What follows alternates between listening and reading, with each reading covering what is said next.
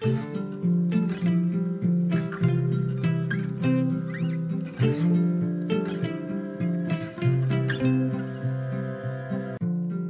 och välkommen till For Health med Anna Sparre. Idag pratar vi med Sanna Törslef Berglund om hormoner och hormonella obalanser. Vi kommer in både på stresshormoner, könshormoner och sköldkörteln. Dessutom så pratar vi hormonmetaboliter kopplat till ämnen som östrogendominans och cancerrisk, för att bara nämna några saker. Stort tack till vår sponsor Alpha Plus! Alpha Plus Energibalans är en kombination av kosttillskotten B-relax och Adrenoplus och innehåller adaptogena växter, B-vitaminer, magnesium, L-teanin, inositol och kolin som bland annat bidrar till normal energiomsättning, till att minska trötthet och utmattning och till nervsystemets normala funktion. Om du gillar den här intervjun så blir jag jätteglad om du vill dela med dig av den på Facebook, Instagram eller till en vän. Och gå in i iTunes och lämna ett betyg på podden. Det gör det lättare för mig att få hit intressanta intervjupersoner. Tack på förhand! Glöm inte heller att boka mig som föreläsare till ditt event. Jag föreläser både för företag, föreningar och privata grupper. Och är du nyfiken efter avsnittet så hittar du mer information på forhealth.se. Sanna Törslef Berglund är näringsterapeut, psykolog och forskare som arbetar med funktionsmedicin som grund. Idag arbetar hon bland annat med att utbilda andra terapeuter och bedriver forskning kring funktionsmedicinsk behandling.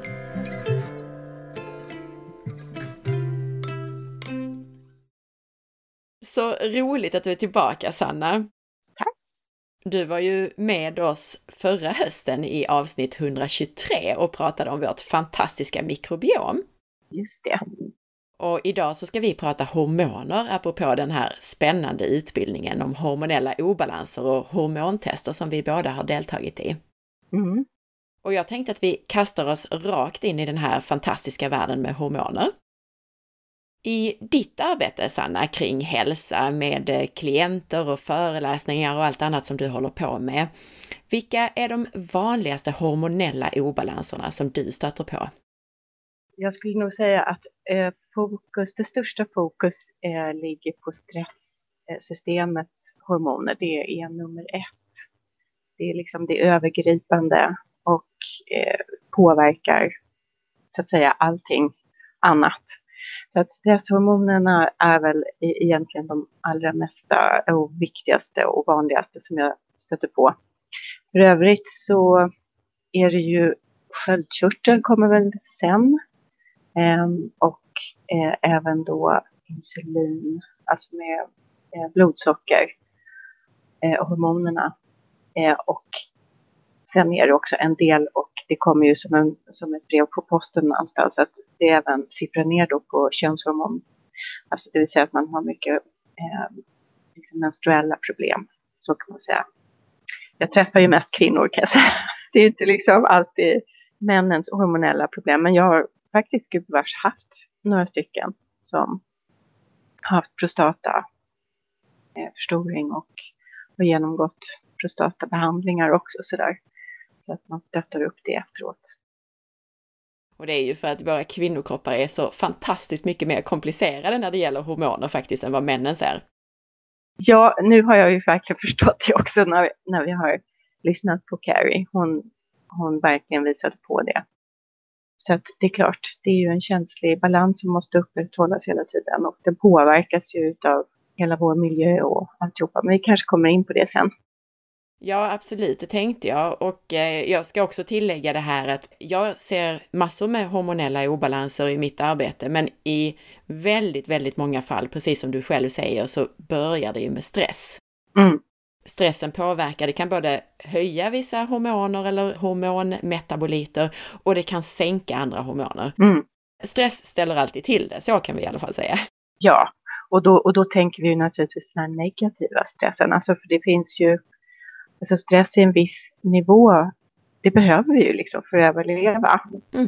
Eh, och, så det är, ju- men det är, ju- det är ju snarare det att vi lever plötsligt under, os, under sammanhang och samhällets så att säga, tryck och press på oss eh, på många olika sätt som gör att stressen blir onormal helt enkelt. Precis, problemet är väl snarare det här att den är, den är konstant och ihållande och vi har för lite återhämtning snarare än den här akuta stressen som kommer och går. Precis. Och då kommer vi ju in lite på, min nästa fråga var egentligen då, vad är orsaken till de här hormonella obalanserna som du stöter på? Och det Mm. ena är ju lite grann, vi har diskuterat stressen här. Vad ser du mer? Alltså, eh, det är ju många, många saker. Oftast så är ju att de samverkar för att vi pratar ju om de här olika axlarna, det vill säga kopplingen hjärna och eh, våra binjurar och hjärna och vår sköldkörtel och hjärna och våra könsorgan.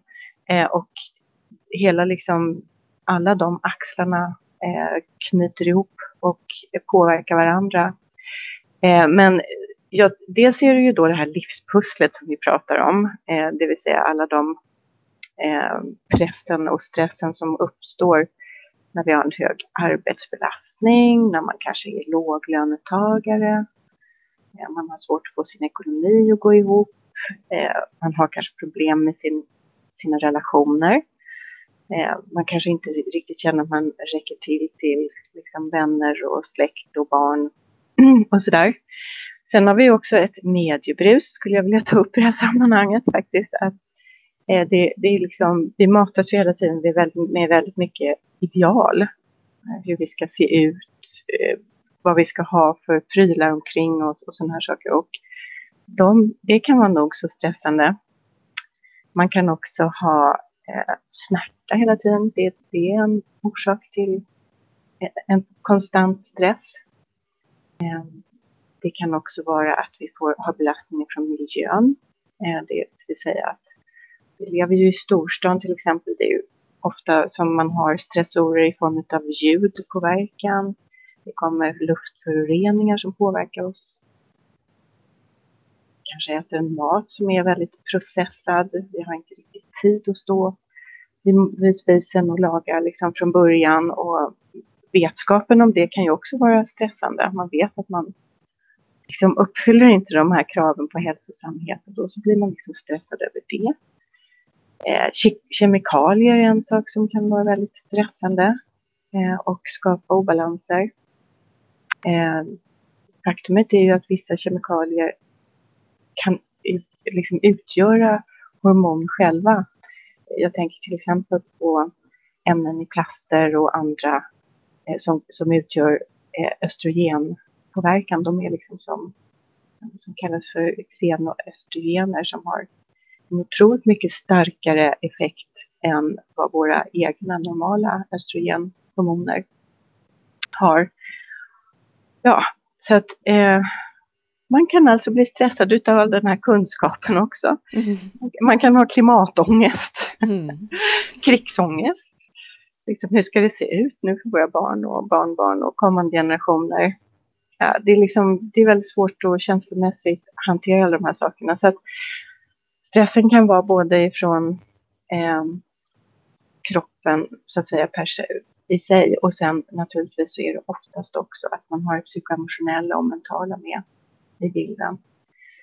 Så att, eh, det är väl liksom orsakerna till stress och de i sig också påverkar ju då vår sköldkörtel till exempel. Då. kosthållningen påverkar våra, vårt insulin och blodsocker och ja, det är liksom väldigt många orsaker till eh, obalanser i, i våra hormonsystem.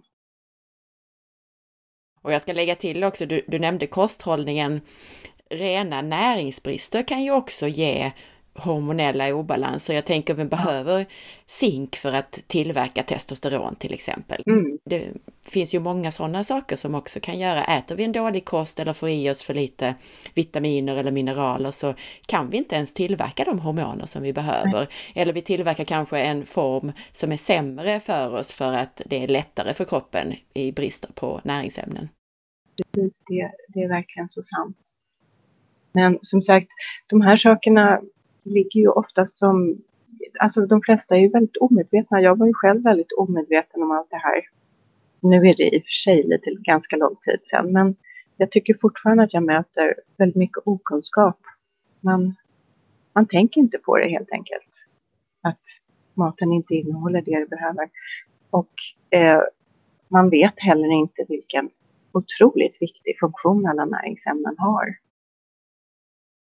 Apropå det också tänkte jag, många äter ju kolesterolsänkande mediciner till exempel. Mm. Och kolesterol är ju det som vi bildar våra könshormoner av och våra stresshormoner. Ja. Och ja, alla hormoner som sagt utgår ju från kortisolet. Eller korti... Kolesterolet. Kolesterolet menar jag. Men och sen är det ganska intressant att faktiskt så behövs det eh, det aktiva formen utav eh, sköldkörtelhormonet T3 för att överhuvudtaget nå omvandlingar utav kolesterolet ska sätta igång. Jag tänkte på ytterligare en sak på det här ämnet. Din specialitet egentligen, och det är alltså tarminfektioner kan ju också sätta hormonerna ur spel. Det är verkligen sant. Eh, allting hänger ju ihop. Så att eh, mage-tarm är otroligt viktig. Eh, och mikrobiomet som vi pratade om sist, jag tror inte vi pratade så mycket om just eh, funktionen, mikrobiomet och eh, hur, de, hur de tillverkar hormon och också hanterar hormon, omvandlar hormon. Men eh, det, det är ju någonting som man börjar förstå nu allt mer. Det är en ganska sen forskning Precis, och det var ju någonting som Carrie tog upp som ett exempel också. Det finns ju enzymer som kan aktiveras i mag och tarmsystemet som kan göra att vi återupptar mer östrogener som, som vi egentligen hade tänkt göra oss av med till exempel. Precis. Nu har vi nämnt några obalanser och vi har pratat lite grann om orsaker. Bara i stort så här, vi ska gå in på detaljerna mer sen, men vad gör man egentligen åt hormonella obalanser? Var börjar man? Ja, eh, ja, eh, när man jobbar inom till exempel funktionsmedicin så är det ju att titta på, försöka att förstå dels livsstilsfaktorerna och det är väl där som man egentligen eh, har den största möjligheten att påverka eh, alla, alla de här olika fysiologiska systemen i kroppen. Så att eh, det är väl att man i möjligaste mån ska se över de här livsstilsfaktorerna. Och då tänker jag till exempel att eh, ett sätt är ju att man ska försöka förhålla sig till, till kraven på ett lite annorlunda sätt. Det här man kallar för lite för mindfulness eh, approach. Eh, att man skapar struktur och ordning och organiserar sånt som måste göras så att inte man behöver liksom gå omkring och hålla alltihopa i huvudet. Sen eh, så tänker jag att man också kan tänka på vilka kemikalier man sätter på kroppen och använder sig av i hemmet. Det finns en hel del där. Det man inte kan äta, det ska man egentligen helst inte sätta på kroppen. Eh, men, eh, och sen så ska man försöka också minska skärmtid innan man ska sova. Man kan ta, man kan ta ett bad, man kan lyssna på musik. Eh, och, eller ägna tiden lite åt sånt som eh, man känner att man blir glad av. Sen kan man väl också till, till kvällen, och om man ska se till sin sömn, så finns det ju örter man kan ta på kvällen om man har lite sömnproblem och eh, även näringsämnen, magnesium till exempel, är lugnande. Dessutom tänker jag på det här med rörelse och träning. Eh, att försöka prioritera det, för att eh, jag vet att många gånger när det är tidsbrist, och man upplever tidsbrist, så är, är det kanske någonting man liksom lite grann lägger åt sidan. Men cirkulation i kroppen har ju så enormt stor betydelse och då även liksom för hur de hormonella systemen ska fungera krävs liksom en, en, en omsättning i kroppen så att hormonerna flyter runt om man tänker och hamnar på rätt ställe. Så att eh, tips då är liksom försöka cykla kanske istället för att åka buss eller bil. Eh, även om det bara handlar om ett par stationer. Eh, eller gå. Eh, jag tycker att alla minuter räknas. Men helst ska man kanske komma upp i 20 minuter med lite flås. Och sen att tycker jag också man kan göra paus i det här deltagandet av sociala medier och mobiler och man minskar deltagandet lite eh, och sätter upp gränser för sig själv. Um, annars tänker jag också på dieten då och att försöka ta tid och kanske göra ett storkok eh, liksom på helgen. Det måste inte ta hela dagen och att man kanske kan engagera hela familjen till det. Eh, så att dels går det lite fortare om flera hackar grönsaker och sånt och dels är det lite roligare om alla hjälps åt. Och sen då kan man till och med ha eh, mindre tid för matlagningen under resten av veckan för att maten är liksom redan klar. Annars också tänker jag på att man kanske kan bestämma en aktivitet per dag eller i veckan eller i månaden som faktiskt bidrar till något gott för andra. För att eh, det har man ju förstått att det påverkar faktiskt vårt stresssystem mycket, mycket mer än vad man tror. Annars kan man ju också säga så här att förutom de här livsstilsbehandlingarna så, eller livsstilsförändringarna eh, så kan man ju också då göra saker som är eh, lite starkare för att försöka rätta till. Och då tänker jag att i min kliniska verksamhet, paus ett slag, eh, men jag har alltid haft Eh, en önskan om att man först ska göra de här eh, funktionella men också då konventionella testerna för att se liksom, på basis av de resultaten vilken liksom, strategi man ska lägga upp för just den här personen. Det är otroligt viktigt. Man får så mycket hjälp faktiskt att välja bra strategier. Och eftersom eh, nu, man kan ju bara genast säga att det här Dutch-testet, Carrie Jones då som var här och föreläste, hon jobbar ju då på det här labbet som tillhandahåller Dutch-testet. Eh, och jag kan berätta för de som lyssnar att det är ett urintest. Man, man kissar på sådana små eh, inte eh, läskpapper är det väl kanske, eh, flera gånger under ett eh, dygn. Och, och, då så får man en väldigt bra bild av hela stresssystemet. Man får en bild av hur väl man kan avgifta. Man ser hur hormonerna ligger i förhållande till varandra eh, och även om de här hormonerna omvandlas på ett liksom hälsosamt sätt. Och så finns det då eh, olika strategier för att eventuellt komma, komma till rätta då med. Och då använder man örter, man använder näringsämnen eh, och bioidentiska hormoner ibland eh, där det behövs. Så att, eh, det är ju den här lite starkare insatsen, men annars så är det livsstilsfaktorerna som egentligen är eh, de allra viktigaste, det vill säga just diet, sömn, stresshanteringen också vilka sociala relationer man har. Det är otroligt viktigt vilket, vilket sammanhang man umgås i.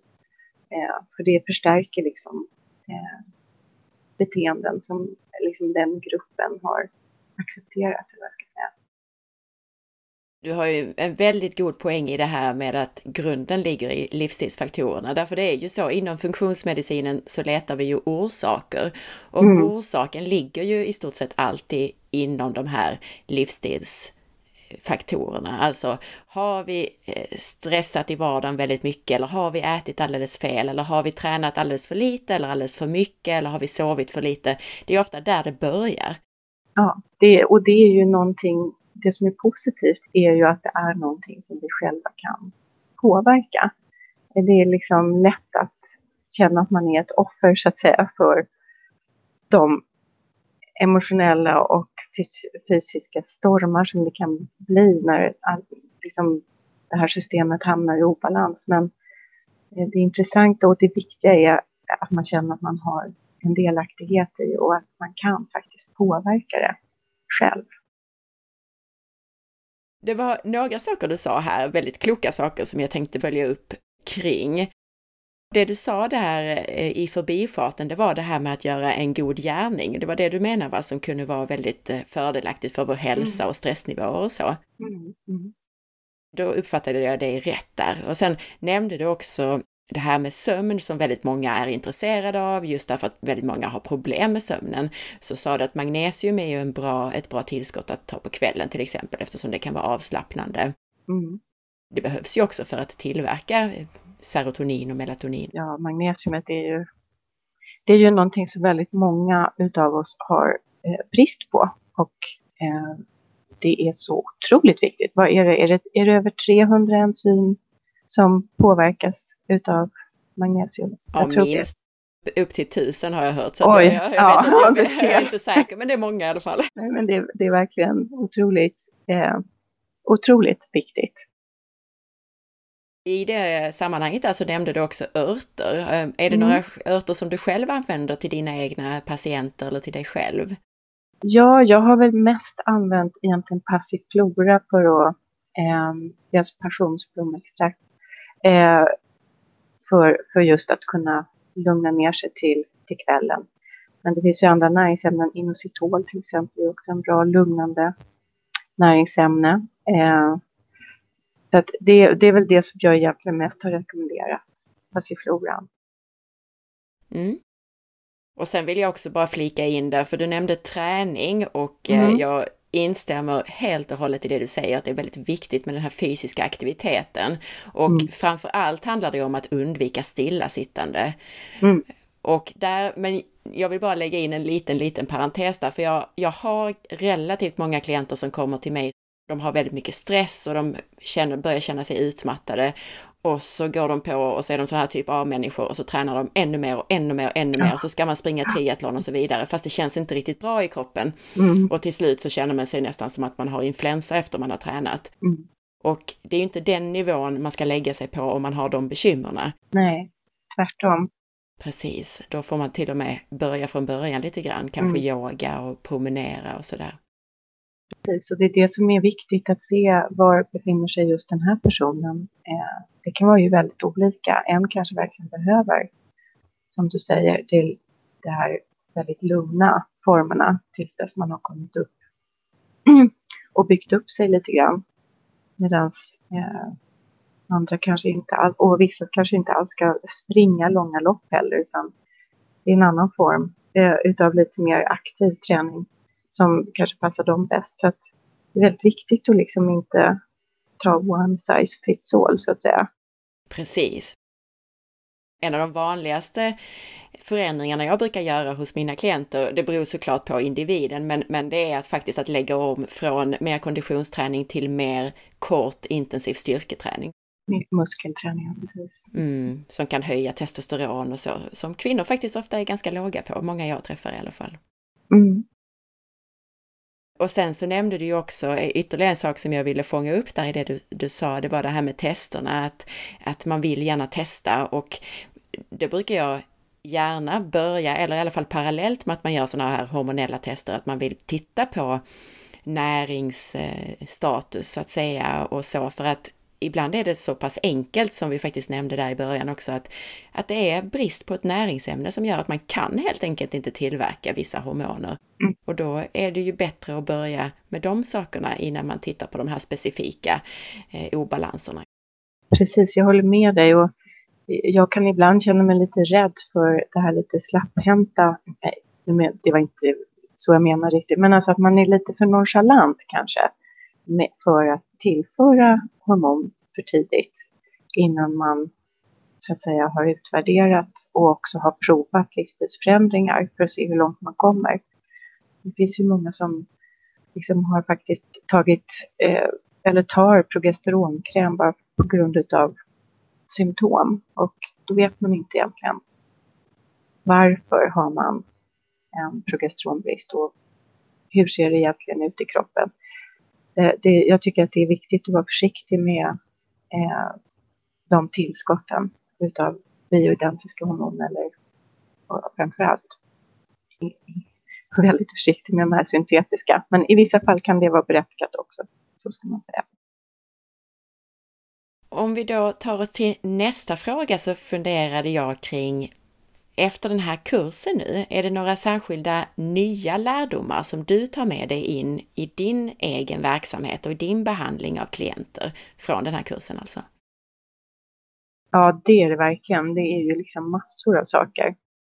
Nej, men jag tycker just eh, testet har varit så eh, bra i att ge en, liksom, dels en helhetsbild. Så att man ser hur de olika eh, systemen påverkar varandra. Så att det, det, det, är väl det som jag tycker är så jättevärdefullt. Men sen är det också att man, jag, det jag har inte det jag inte riktigt har kanske haft full kläm på är det här med hanteringen av kortisol. Liksom, den här HPA-axeln. Eh, produktionen, hur mycket fritt kan det bli? Eh, liksom, kan man ha svårigheter att bryta ner kortisol? Ja, det är sådana saker, de har inte jag riktigt tänkt på faktiskt, utan det här det lyftes här och eh, det tyckte jag var väldigt bra. För övrigt eh, jag tyckte också att det var väldigt intressant, det visste jag inte riktigt heller, med mikrobiomet. Faktiskt i hur hög grad det faktiskt påverkar och hur viktigt det är att jobba med mage-tarm eh, liksom hela balansen i mage-tarmsystemet. Eh, och då tänker jag just på bakterierna, de här goda bakterierna. De liksom har en ganska stor del i att inte östrogenet ska ligga kvar i kroppen. Eh, jag tänker mer. Eh, också intressant och, och, väldigt tydligt att se hur svårigheter med avgiftningsförmågan kan vara någonting som får de här östrogenerna att gå över och bli ohälsosamma. Eh, och avgiftningsförmåga menar jag då alltså eh, just den här biotransformationen, detox som vi kallar. Men också att det är då eh, kan vara genetiskt. Att man har genetiska avvikelser som gör att det är lite svårare att eh, få ut. Alltså att man, ja, att få ut helt enkelt. Hon kallar det för att öppna, äh, öppna avloppet liksom, så att man verkligen får ut eh, hormonen som man har använt klart. Eh, och det, jag tyckte allt det, hela den illustrationen som test, testet ger var väldigt bra. Så att det känns som att jag känner mig väl kanske mer säker på vad jag ska göra efter den här kursen. Även om jag kanske visst, visste om väldigt många av de här specifika delarna. Men så att se helheten och mönstret, det tycker jag är jättevärdefullt. Jag håller med dig, även om jag tyckte också att jag hade ett hum om de flesta av de här sakerna och hade hört mycket av det tidigare. Just det här att Carrie har så lång erfarenhet och har jobbat med så många klienter och hon vet precis, okej, okay, det här använder jag i de här fallen till exempel. Mm. Personligen så kommer jag själv att börja använda mer örtpreparat och adaptogener till exempel, mm. som jag själv ibland har varit sparsam med. Mm. Så det är en sån sak.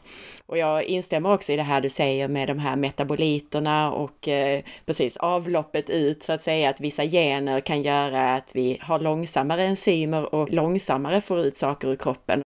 Och sen har vi vissa enzymer som går nästan i för hög takt så att vi kan producera för mycket av vissa metaboliter, vissa nedbrytningsprodukter som i sin tur då kan bli ett problem. Mm. Och just det här då att om vi i ett lite enklare test bara mäter östrogen och progesteron så ser vi bara en nivå i allt det här. Och som Carrie då uttrycker det, vi kan ha östrogendominans på en helt annan nivå. På metabolitnivå så att säga, på nedbrytningsnivå. Det tycker jag verkligen, för jag har ju mest mätt med saliv tidigare. Jag har använt mig mycket av ett labb som heter eh, eh Labrix. Och det, jag har liksom, nu tycker jag att det här ger ju ett så otroligt mycket djupare eh, förståelse än vad det testet har givit.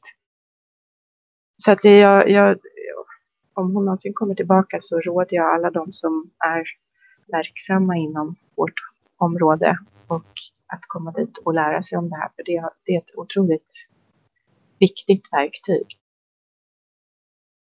och de som då inte jobbar med det här, att, att man faktiskt eh, nu kan ta hjälp av någon av alla som har gått den här utbildningen. Precis. Alfa Plus vet jag att de har någon lista över sina terapeuter, så det tror jag att man kan hitta där då via deras hemsida. Mm. Ja, jag hoppas att det, det kanske är en sak jag ska ta upp med dem, att de ska lista just vilka eh, specialinriktningar eller specialutbildningar man har gått. Det jag kan säga också som jag tog med mig, alltså Carrie hade många sådana här små, eh, lite mer nördiga exempel kanske man ska säga, och jag älskar det där att man nördar in sig lite grann. Jag kommer klippa ihop vissa av de saker som hon sa där också. Men en väldigt intressant sak tycker jag är det här, vi känner till kortisolets roll i kroppen, att det ska hjälpa oss med vår dygnsrytm och hålla oss vakna och höja blodsocker och till och med fungera antiinflammatoriskt. Men hon berättade också att den här toppen av kortisol som vi får på morgonen, hur viktig den faktiskt är för att undvika autoimmunitet. Just det.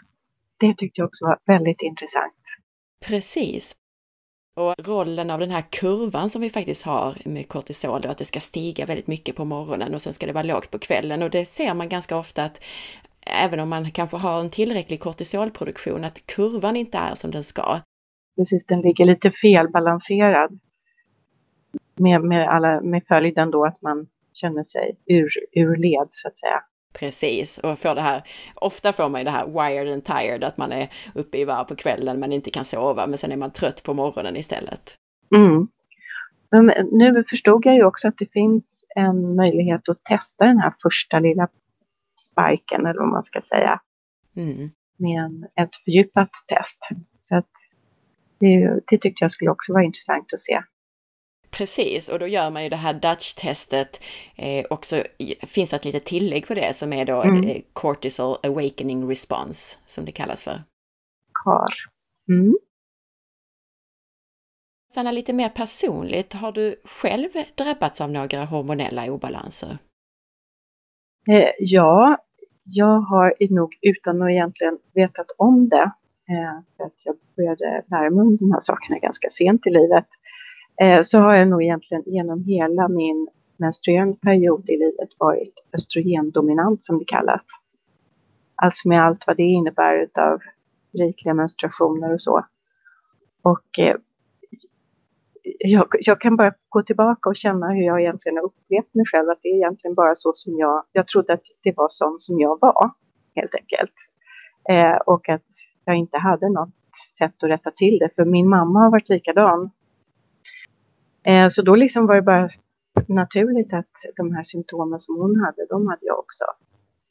Eh, men nu när jag då tagit det här Dutch-testet och jag har faktiskt också gjort en, eh, en gen, ett gentest som heter DNA Life. Eh, och, eller Health heter det kanske. Eh, men i alla fall, då har jag kunnat förstå att det här handlar egentligen om min genetik. Jag har liksom ett, en, den här förändringen på eh, i avgiftningsförmåga. Så att det är liksom, det har, jag har haft svårigheter att få ut mina östrogener helt enkelt. Så har jag också tagit det här Organic Acid som jag tycker är en bra test att lägga till. Och det har ju liksom förstärkt bilden också. Så att svar ja, det har jag haft. Och har fortfarande lite, så nu har jag något att jobba på. Det var min följdfråga till det här. Hur har du eller hur ska du arbeta med de här obalanserna?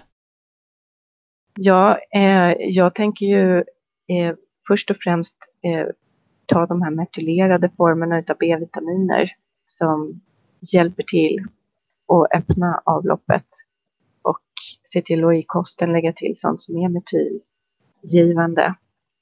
Eh, och sen så eh, försökte jag jobba just med, med avgiftningen. Eh, det, var inte, det, det låg liksom inte så mycket på det som kallas för fas 1 i den här avgiftningscykeln, eller vad man ska säga. Eh, men däremot så var det problem i, i fas 2. KOMT, det är KOMT, ja. Precis, ja, just det. Det har mm. jag själv också. Mm. Mm. Så att eh, det, då blir det viktigt med vilka former av eh, de här B-vitaminerna som man tar. Det kanske, och, och, och, det är väl det som är också det intressanta att i, om man tar kosttillskott, det handlar inte om bara man kan ta vilket kosttillskott som helst utan man måste veta lite grann om vilka former som passar just mig. Men där vill jag nog faktiskt ändå lägga till en sak och det kanske är på lite för hög nivå. Mm. Carrie pratade om vikten av metylgrupper då, när man mm. har en variation i KOMT. Mm. Min erfarenhet är att vissa kombinationer av gener Mm.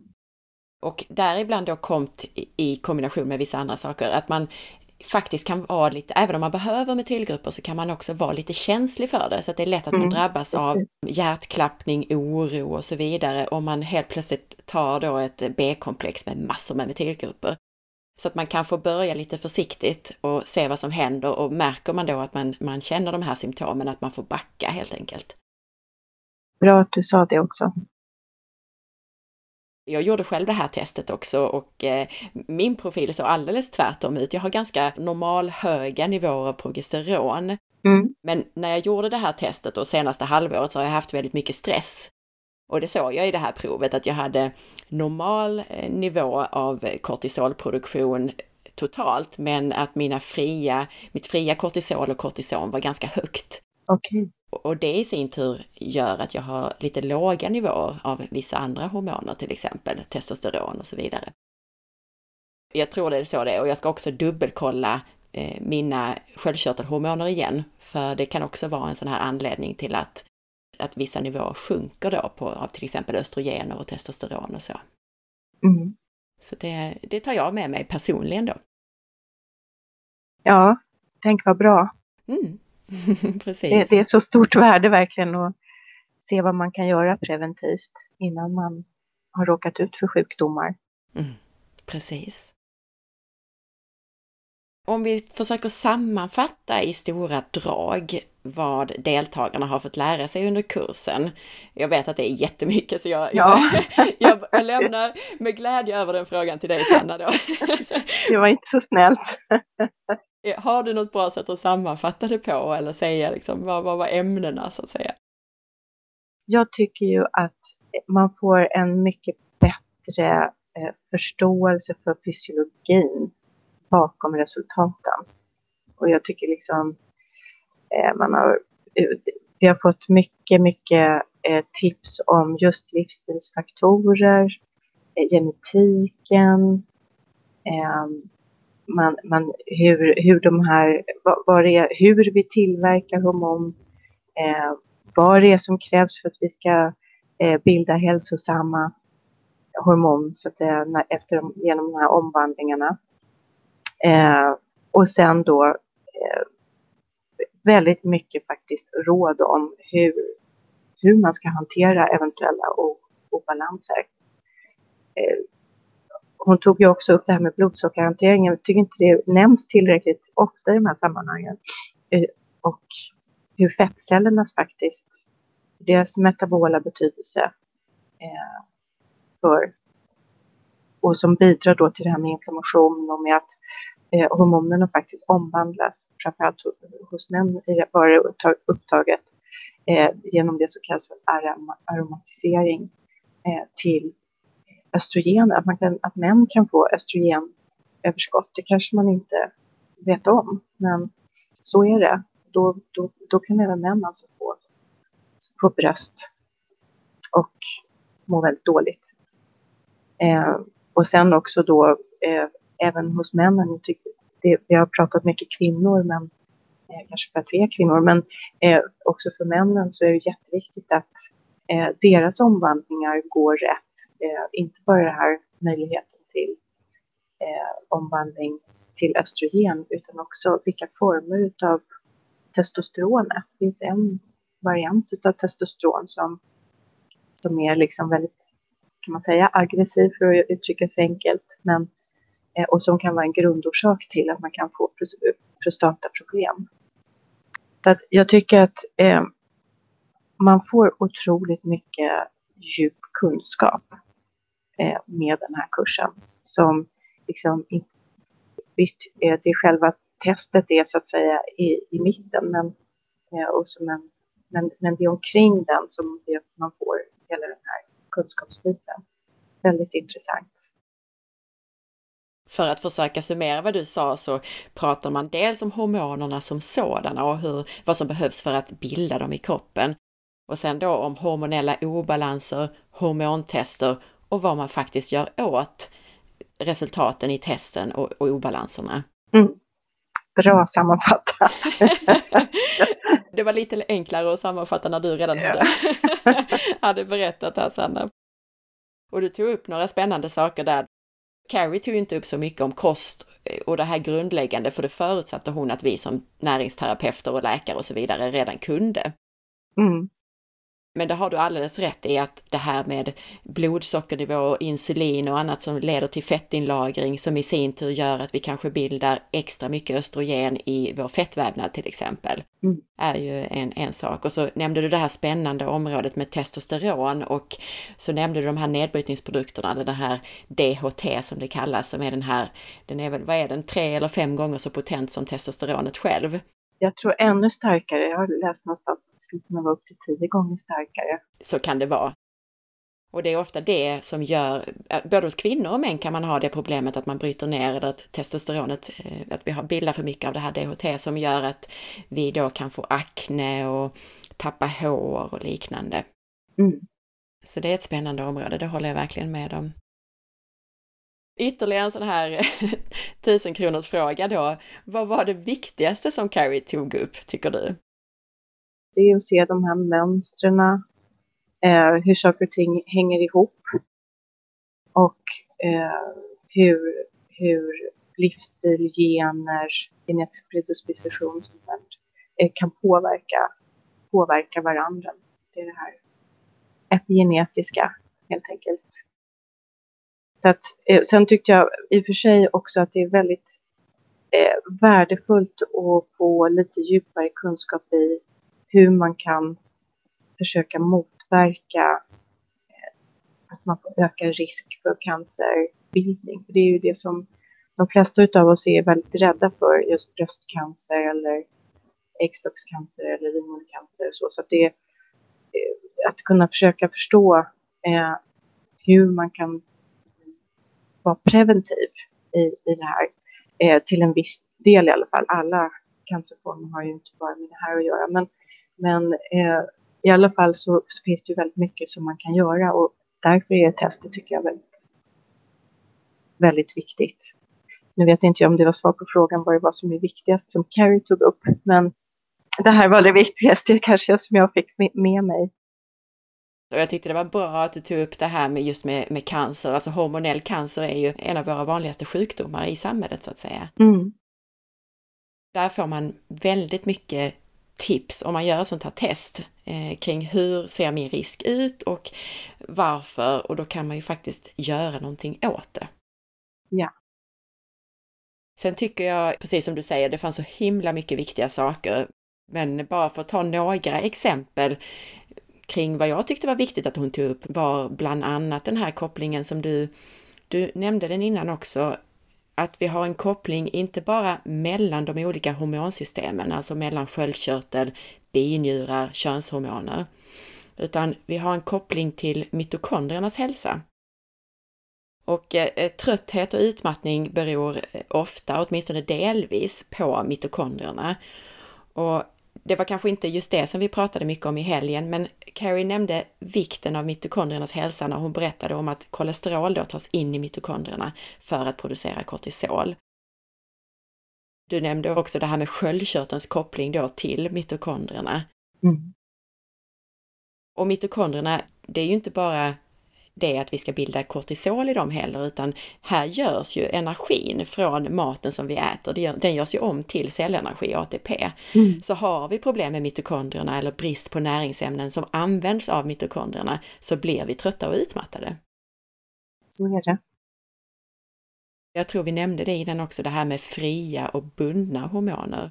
Mm. Alltså att vi har proteiner som fäster vid hormoner och håller dem inaktiva i kroppen tills de behöver användas och bara någon procent av våra hormoner är fria och aktiva. Och det kan ju också vara bra att veta när vi pratar hormoner och hormonproblem, att ibland så handlar det inte om att öka eller minska nivåerna av hormonerna, utan nivåerna av proteinerna som binder upp hormonerna. Precis, det där är också jätteviktigt att, som du tar upp. De här sex, binding, sex hormone binding globulins i det ena fallet. Och de finns ju för tyreoidea också och för, eh, alltså för sköldkörtel också och för binjurar också. Vad var det mer jag tänkte på? Jo, just det, hon, vi pratade ju inte bara könshormoner utan vi har ju nämnt stresshormoner och du nämnde också melatoninet och det tycker jag också är ett spännande hormon eftersom det är en antioxidant. Mm. Och vi har den i matsmältningsapparaten och det kan faktiskt dämpa vår aptit och hjälpa oss att reglera vår aptit och hunger. Mm. Så att just det här med att eh, väldigt många fokuserar enormt mycket på kost och så, men, men att eh, sömnen är ju viktig även för, för kosten och för aptiten och, och eh, som antioxidant. Det är sant.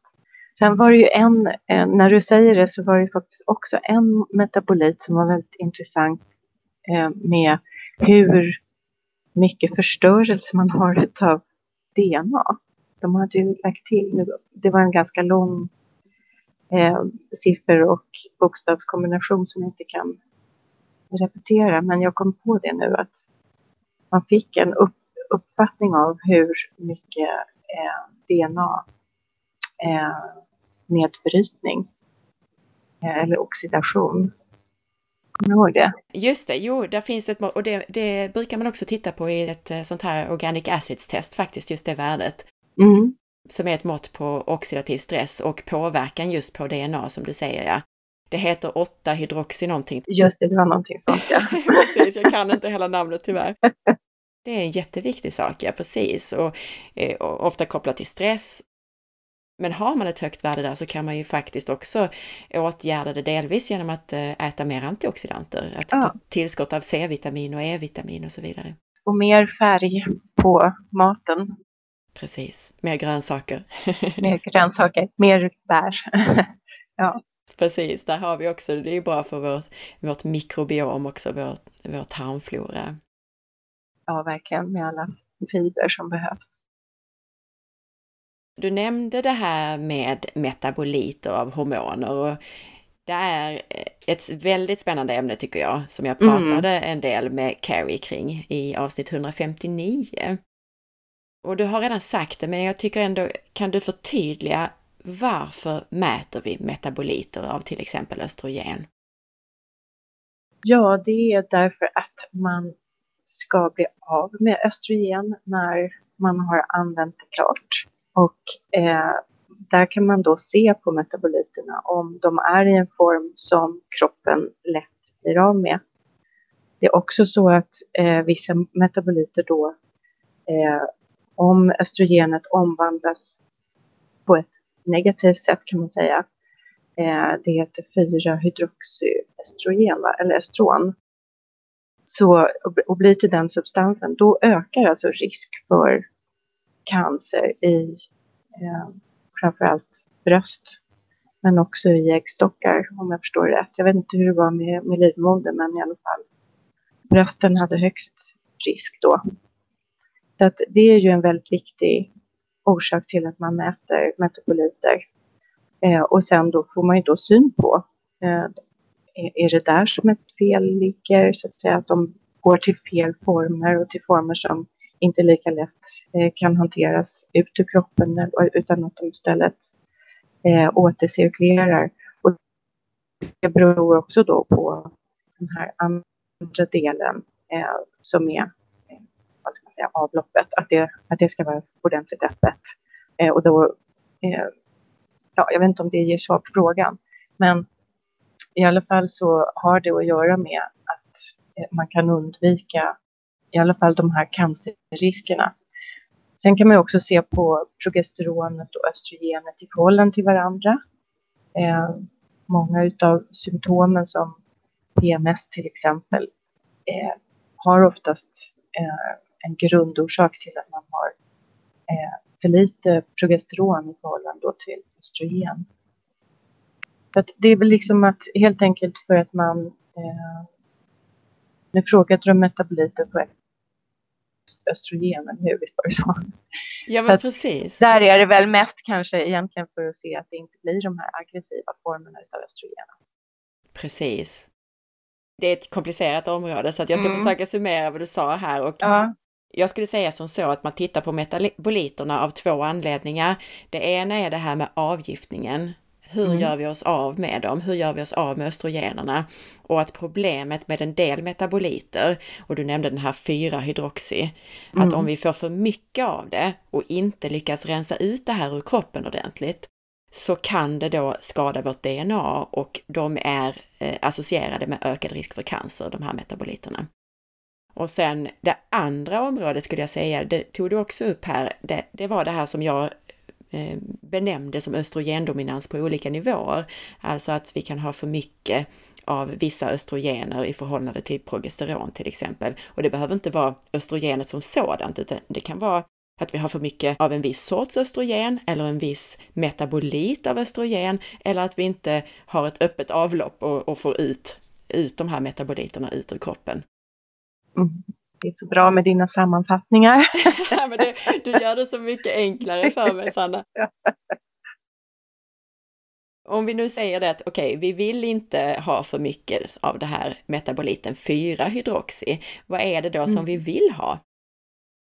Vi vill ju gärna ha den här, det är en helt annan form av östrogen, glömde jag bort vad den heter du kanske kan hjälpa mig? Ja, absolut, absolut. När vi pratar metaboliterna där så, så vill vi ju hellre då, har vi till exempel mycket av den här 4-hydroxy så vill vi försöka ändra den här detox, den här biotransformationen så att vi får mer 2-hydroxyöstrogen istället. Ja. Och så finns det ju en 16-hydroxy också. Precis, som den, är... Ja. Hur var det du, vad, vad, tyckte, vad tänkte du om den? För där har jag hört att den, eh, när jag läst om den så har det varit att den är väldigt dålig. Eh, också att det är förhöjd risk för cancer med den. Men eh, där hade hon en helt annan indikation, nämligen att det var mer neutralt. Om man jämför med de här, alltså om vi tänker att 2-hydroxy är väldigt bra och 4-hydroxy är väldigt dålig, så är 16-hydroxy neutral. Ja den kan, jag tror att den kan ge tillväxt, det är så jag har uppfattat det. Och att i väldigt stor omfattning så är den därför inte så bra. Men vi vill hellre ha 16-hydroxy än 4-hydroxy. Mm, ja, okej. Okay. Det är en gradskillnad. Precis, och jag tror att det är snarare så att eh, har man ett väldigt högt 16-hydroxy så tror jag att man ska börja titta efter inflammation, sköldkörtelbesvär och sådana saker. Mm. Snarare än att kanske titta just på själva avgiftningen. Det är i alla fall så som jag har lärt mig sedan tidigare. Men jag får nog lyssna tillbaka och läsa igenom Carries ja, ja. anteckningar här igen innan jag säger för mycket. jag har för mig att hon, att hon gjorde en klammer omkring alla tre så att säga. Eller, eller båda de två, att det var, hade med fas, fas 1 i avgiftningen att göra. Och det har det ju samtidigt som eh, att, att den avgiftningen kan gå olika vägar då beroende på vad som händer i kroppen i övrigt, alltså eh, inflammationer och liknande. Mm. Vi pratar ju massa konstigheter här, 4-hydroxy och 2-hydroxy och så som kanske är obegripligt, men det man kan göra här i alla fall, om man då ser att man har väldigt mycket av den här 4-hydroxy till exempel i förhållande till 2-hydroxy. Där finns ju massor med saker och eh, en väldigt viktig sak är ju kolgrönsaker. Precis. Ja, den innehåller de där meta i 3C, eller det, det som är Indol 3C. Varför det heter 3C, det vet jag inte. Men... Indol 3-karbinol, ja precis. Ja, det finns ett annat spännande ämne också, sulforafan, mm. som också hjälper till i det här att skifta från 4-hydroxy till 2-hydroxy, alltså från cancervägen till den snälla vägen så att säga. Det enda är att man ska, man ska kanske inte eh, ge sig på det här på egen hand, tycker jag. Det finns också andra effekter av de här sakerna, så att om man börjar äta jättemycket tillskott av indol 3-karbinol till exempel så kan man sänka sina östrogener totalt sett. Det är inte alla som vill det faktiskt. Nej, nej, precis. Nej, man, allt det här ska man ju göra och följa upp. Man ska ju gärna ta om testet eh, så att säga efter en tid då man har gjort en insats för att se att man, att man har gjort rätt och att man har gjort med rätt doseringar och allt sånt sätt. Och den nämnde du ju själv då, alltså det var ju fas 1-delen av den här avgiftningen. Det var det här med att man kan använda kol och annat. Mm och eh, olika ämnen från kolsläktet. Men sen hade vi då fas 2-avgiftningen då, detoxen, där vi bland annat har nytta av det här enzymet KOMT. Just det. Och där nämnde du ju redan tidigare att metylgrupper kan vara viktigt. Vi pratade magnesium är ju viktigt för KOMT också eftersom det behövs mm. för att bilda det här enzymet till exempel. Är det något annat som du tänker? Jag tänkte just eftersom det var aktuellt för dig själv, är det något mer du tänker göra där för att stötta det var ju flera, Det var ju flera faktiskt näringsämnen som man kan tillföra. Eh, nu, nu har eh, alltså Plusset en, en näringsdryck eh, som innehåller många av de näringsämnen som behövs just för att stötta den delen. Så jag tänkte jag skulle ta det lite mer på en regelbunden basis. Vad är det det innehåller då? Eh, bland annat glycin. Jag tänkte också bara när det gällde det här med, med KOMT, en annan sak man kan göra där för att förbättra eh, fas 2-avgiftningen så att säga från, från östrogener och, och att stötta KOMT, det är faktiskt att vara lite försiktig med saker som alkohol och koffein. Mm, just det. Du nämnde ju själv då det här med testosteron och androgenerna.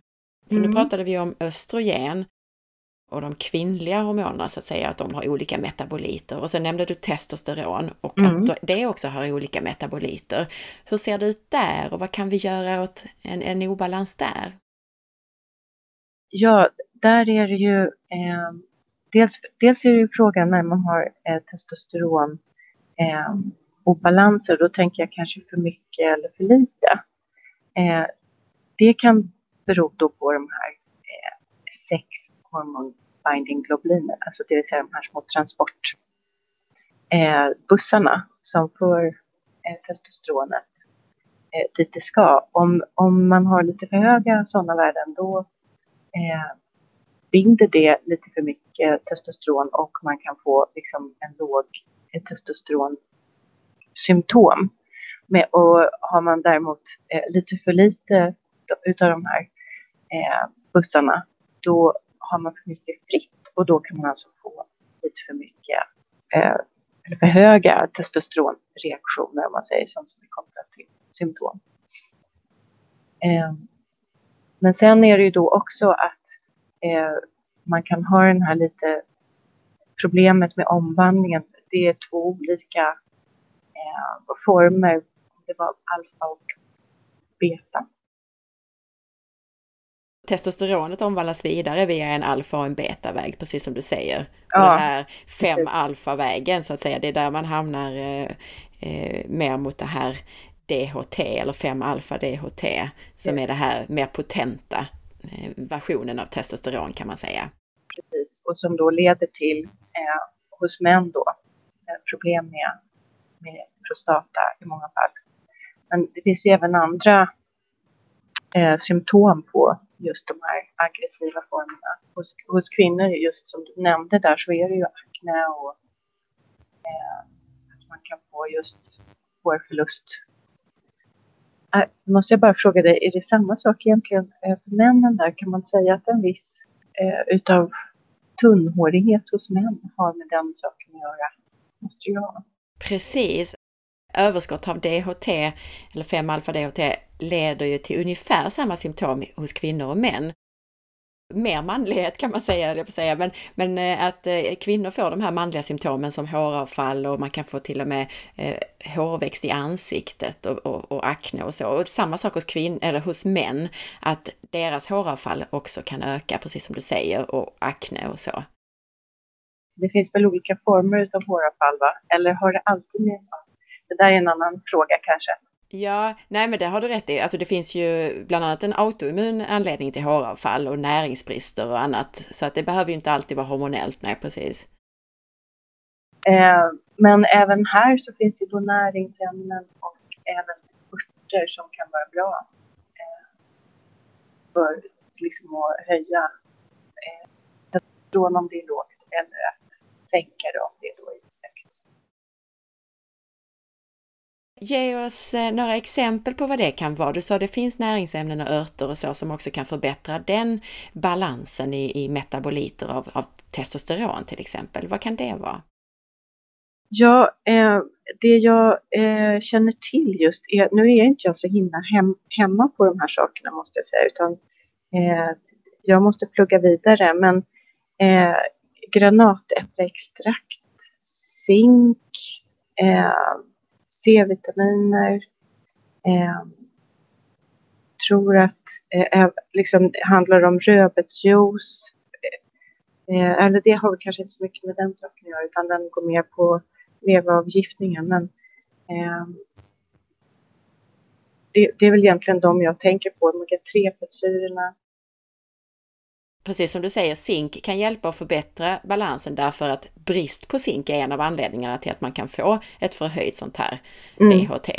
Mm. Sen finns det ett bra tillskott som eh, heter, på engelska heter saw palmetto. Jag tror det heter sågpalmetto på svenska. Sågpalmsblad.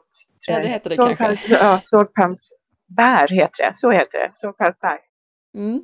Det är också någonting som man kan använda som är ganska vanligt att man använder just där. Nu har vi pratat så mycket komplicerat här om metaboliter och så. Om vi ska ge lyssnarna verkligen konkreta råd, alltså då har vi ju redan gjort det här med livsstilsfaktorer och så, men om vi delar in det lite beroende på vad det är för besvär man har. Vi pratade lite om det här förebyggande för en ung frisk människa. Då pratade vi om livsstilsfaktorer som stresshantering och träning och kost och så vidare. Mm. Men om vi då säger så här, någon som lider av PMS och andra typiska östrogendominansbesvär, vad mm. kan man göra? Ja, jag skulle ju egentligen helst alltid vilja att de tar ett test faktiskt. Men har man inte råd med det så eh, tänker jag så här att man eh, kan jobba just med avgiftningen. Man gör en detox. Eh, att man försöker att öka intaget just utav kolfamiljen.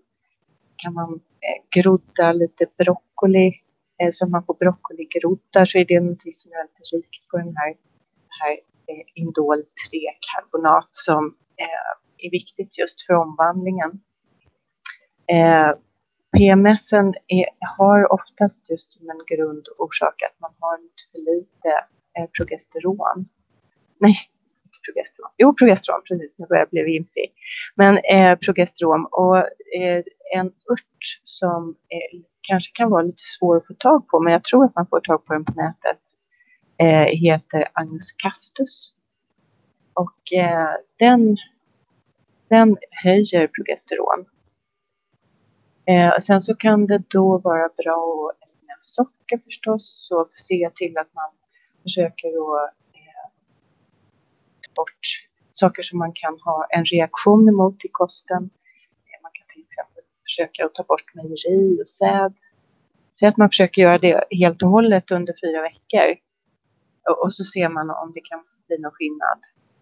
Eh, och att man gärna minskar exponeringen utav östrogen i eh, man kan få i sig det genom till exempel att äta kött som kommer ifrån djur som har fått liksom hormonbehandlingar för att växa till sig. Och, eh, som vi vet så är det just också plaster och andra kemikalier som kan ha den här väldigt starka östrogeneffekten så att man får en, en funktionell obalans mot progesteron av den anledningen.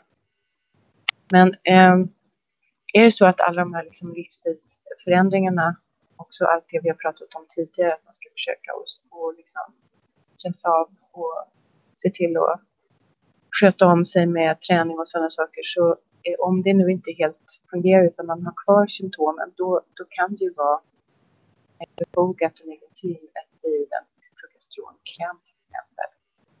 Men där tycker jag också att man ska vara väldigt noga med doseringarna.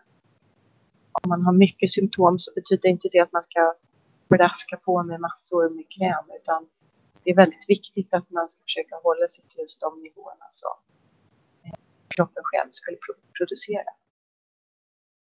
Bra sammanfattat tycker jag.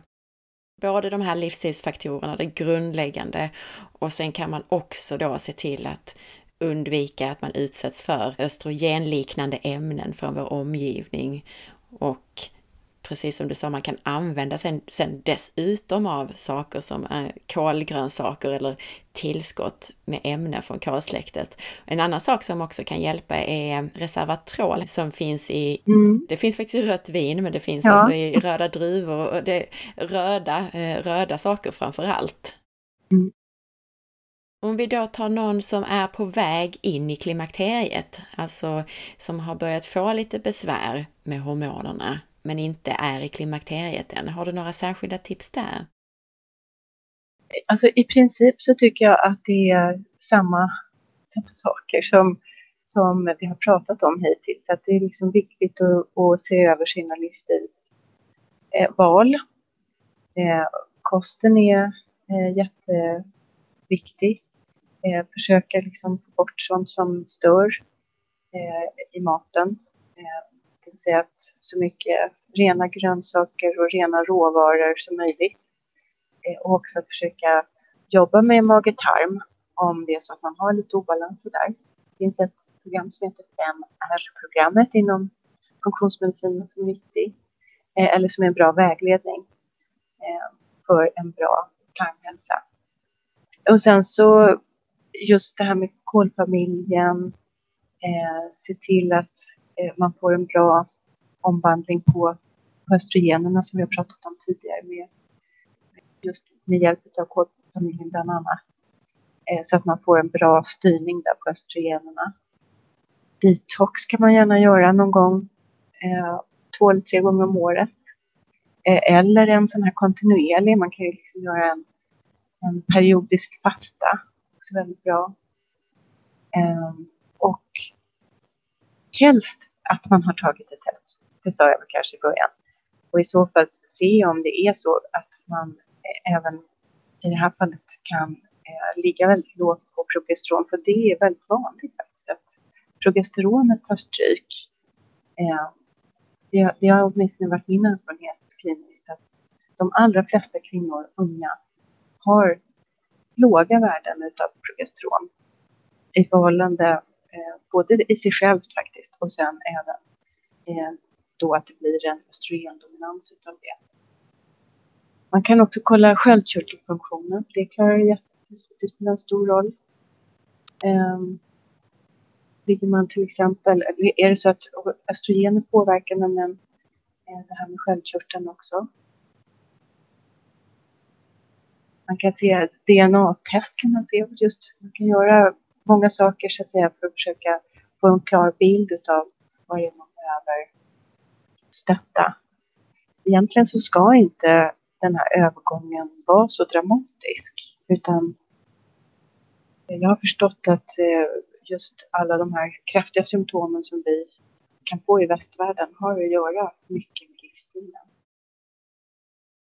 Precis, det verkar vara så att när man lever som naturfolk och liknande att, att man ofta eh, mår ganska bra eh, genom klimakterier och andra hormonella övergångsfaser i livet, precis. Mm. Och jag skulle lägga till också det här att om man börjar få problem där i någon slags perimenopaus så att säga, mm. och man känner att man tror att hormonerna börjar svaja och sjunka, att man kanske börjar med att göra ett organic acids test eller annat näringsstatustest så att se att det inte bara är så att man saknar viktiga näringsämnen eller har några tydliga blockeringar som gör att man just därför inte producerar tillräckliga nivåer av hormoner nej, det är bra tänkt. Det är bättre att börja där och sen i, i steg två se på själva hormonerna. Man brukar inom funktionsmedicin som du sa prata om det här 5R. Mm. Vilka är de här 5R när man jobbar med tarmflora? Ja, det är inte bara tarmfloran faktiskt utan det är hela, det är hela eh, hälsotillståndet på själva tarmen. Eh, och det, de fem R står för eh, ska vi se om jag kommer ihåg det. Remove, replace, repair, reinoculate och rebalance. Och remove innebär att man eh, ska undersöka om det är någonting som eh, ligger och stör i tarmen. Det kan vara eh, bakterier utav en sämre sort. Det kan vara eh, att man har påhälsning utav antingen gäst, svamp, candida eller olika parasiter. Eh, det finns tester som man kan ta för det om det är så att man har mycket problem i magen. Sen eh, replace innebär att eh, har man brister utav någonting så eh, näringsämnen då eh, eller eh, att man har brister utav eh, till exempel de enzym som krävs för att man ska ehm, för att man ska kunna smälta ner maten ordentligt, eh, saltsyra, så ska man eh, tillsätta det. Och sen repair, det är att eh, har man, har man sådana här brister eller kanske reaktioner på mat eller annat så, då, då skapas det små skador i tarmen och här, här, här, här behöver man alltså läka tarmen. Och det finns också läk, näringsämnen som är viktiga då. Eh, bland annat glutamin är någonting som är viktigt, men eh, också eh, fiber och sådana saker för våra tarmfloran. Och tarmfloran kommer i nästa R som är reinoculate. Att, eh, har man en dysbios eller om man en obalans i tarmfloran så eh, ska man försöka komma åt, åtgärda den. Sen är rebalance, det handlar om att man ska alltså skapa en balans i de här olika systemen eh, mellan det vi kallar för de här olika axlarna. HPA som har med stress, HPT som har med, med sköldkörtel, HPO som har med, med livmodern, eller med, med kvinnor, könshormonen och liksom en balans i livet, så kan man säga, i världen. Vi pratade om, om PMS och östrogendominans. Vi pratade om personer som är på väg in i klimakteriet eller före klimakteriet så att säga. Om vi då mäter upp en dålig balans mellan metaboliter av östrogener, det pratade vi lite om det här att man kan använda kolsläktet och sådär. Mm. Och eh, när det gällde androgener, testosteron, om man mäter upp en dålig balans mellan metaboliter där så nämnde vi lite tillskott och näringsämnen där också. Mm. Men en annan vanlig hormonell obalans är ju att man har avvikande sköldkörtelvärden och det är ju någonting som jag vet att du också har jobbat en hel del med. Mm. Vad kan vi ge för tips där? Ja, där är det ju, tycker jag, eh, det allra viktigaste är att försöka eh, få ett test som är mer heltäckande än det som man brukar eh, få per automatik inom skolmedicinen. Vanligt är att man bara testar för det som kallas för TSH och eh, eller då T4. Men ehm, det ger inte den fulla bilden. Jag tycker att man ska lägga till även fritt T3. Man kan gärna titta på de här antikropparna också och se att det inte är en autoimmunitet mot sköldkörteln och då heter de TPO-antikroppar eller TG-antikroppar eller TR-antikroppar, tyroidea-receptor-antikroppar. Eh, och eh, om det är så att det föreligger antikroppar då handlar det om att eh, försöka att jobba mot autoimmuniteten. Där det är ett ganska stort kapitel, men framförallt så ska man titta på att det inte föreligger en, en celiaki i botten. Det kan vara ett, liksom ett sätt som celiakin kan yttra sig på faktiskt.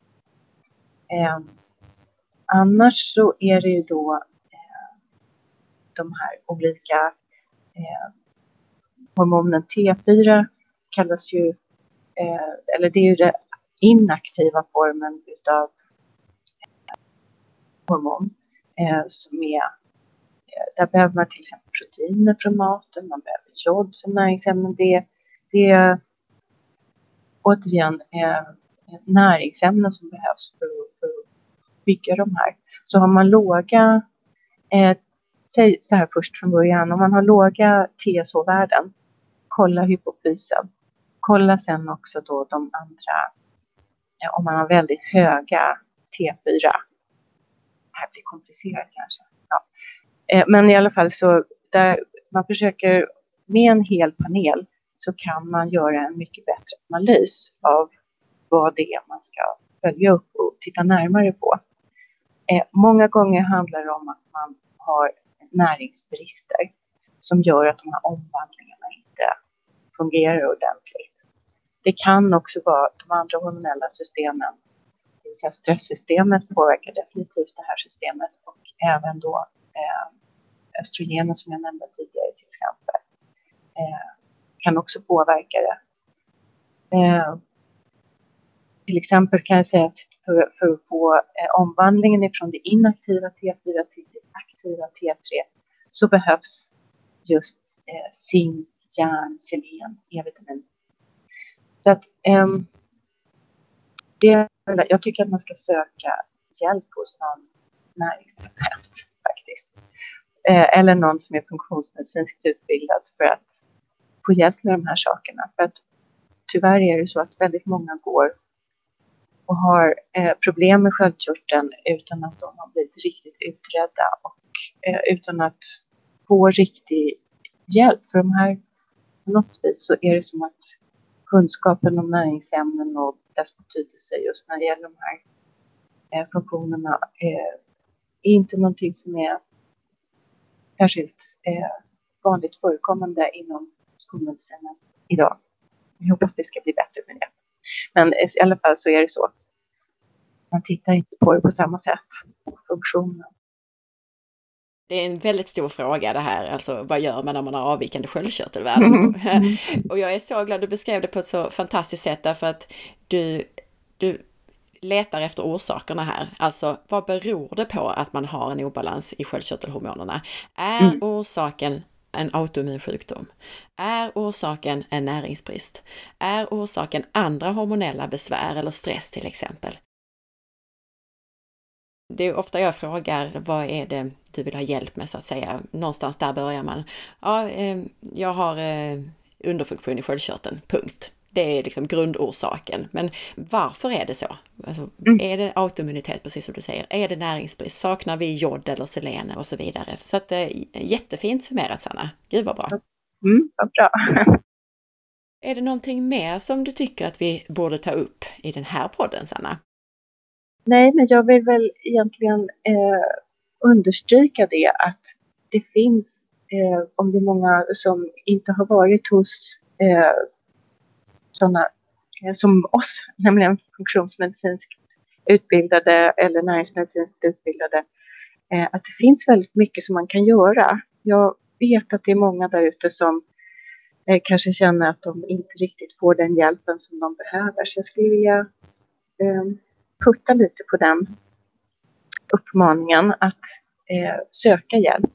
Och ehm, det är väldigt, ehm, tycker jag, med, med djup kunskap som de flesta av oss sitter och kan göra ganska stora insatser. Tusen tack för din medverkan idag.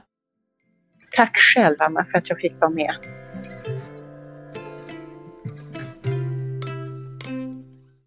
Tack för att du lyssnade! Och stort tack igen till vår sponsor Alpha Plus och deras tillskott Energibalans. Om du gillade podcasten så glöm nu inte att dela med dig. Missa inte heller att följa med på facebook.com forhealth.se och på Instagram via signaturen asparre. Veckans recension i iTunes är från Kronisk smärta som skriver Tack! Och så hjärta, hjärta, hjärta. Är så glad att jag hittade den podden med så mycket viktig, intressant information och olika intervjupersoner. Du förklarar så tydligt och i en långsam takt. För mig passar varannan vecka perfekt. Finns ju ett helt bibliotek med alla dina avsnitt som jag kan lyssna på flera gånger. Ta hand om dig Anna och var rädd om dig. Du gör ett fantastiskt arbete. Tusen tack för denna fina och även omtänksamma recension. Ha nu en riktigt fin dag så hörs vi snart igen. Hej då!